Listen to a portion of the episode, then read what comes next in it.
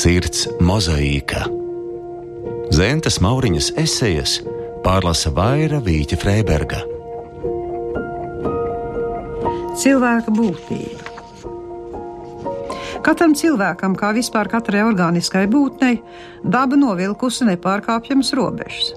Nenoliedzam, ka cilvēks var veidoties daudz vairāk nekā pats to domā, un daudz vairāk nekā aiz savas kūtrības to dara. Meža rozes potēšanas ceļā var pārvērst viskrāšņākā dārza rozē. Un kādas brīnums var panākt ar ceriņiem? To ziedu ķekars var padarīt lefkojām līdzīgas, bet eh, par āboliem tos nevar pārvērst. Tāpat no flegmātiska cilvēka nedrīkst prasīt temperamentu, no nervoza mieru, no garīgi trulā spārnotību.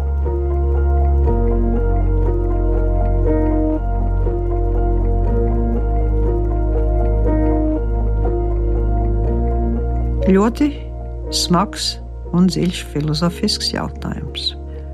Zinātnē, angļu pasaulē to pazīst kā līdzsvars starp dabu un kultūru. Un tas ir savā ziņā tas strīds, cik daudz cilvēkam ir fizioloģiski, ģenētiski noteikts no dzimšanas, un cik daudz tiek izveidots augšanas procesā un sabiedrības iespējā. Ziemeļamerikā, kā jaunā kontinentā, ar ārkārtīgu tādu pašapziņu, kad attīstījās behaviorismu nozara psiholoģijā, dibinātājs Vatsons teica: dodiet man vienalga kādu bērnu, nesen jums izveidošu par vienalga kādu amata pratēju. Nu, izrādās, ka gluži tā nav. Tā ir tā skumjā realitāte, kā piemēram cilvēks ar plakanu pēdu, viņu neņems armijā, no viņa neiznāks arī baletējotājs. Lai būtu labs baletējotājs, ir vajadzīga ļoti specifiska kājas, pēdas uh, uzbūve, lai, piemēram, balerīna varētu uz plantēm stāvēt, ir vajadzīga zināmas iedzimtas dotības. Lai kļūtu par izcilu muziķi, ir jābūt violniekam, ja ne absolūtai dzirdēji, tad ļoti tuvu tai.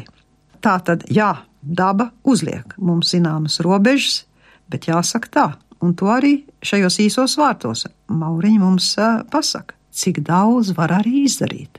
Kaut vai ar dabas dotiem organismiem, kurus mēs cilvēki varam selekcijas un citādos veidos pārveidot. Un es domāju, tie, kas ir aizrautīgi dārznieki, tā kā es, un kas seko līdzi jaunumiem dārza pasaulē, var tikai apstiprināt to, ka cilvēka spējas palīdzēt dabai kļūt krāšņākai un dažādotākai. Līdz šim izskatās, ka gandrīz vai neierobežots, bet tomēr ceriņu par ābolu laikam jau nepārvērtīsim. Savus robežas ir arī jāsaprot. Ir nepieciešama zināma pazemība dabas priekšā.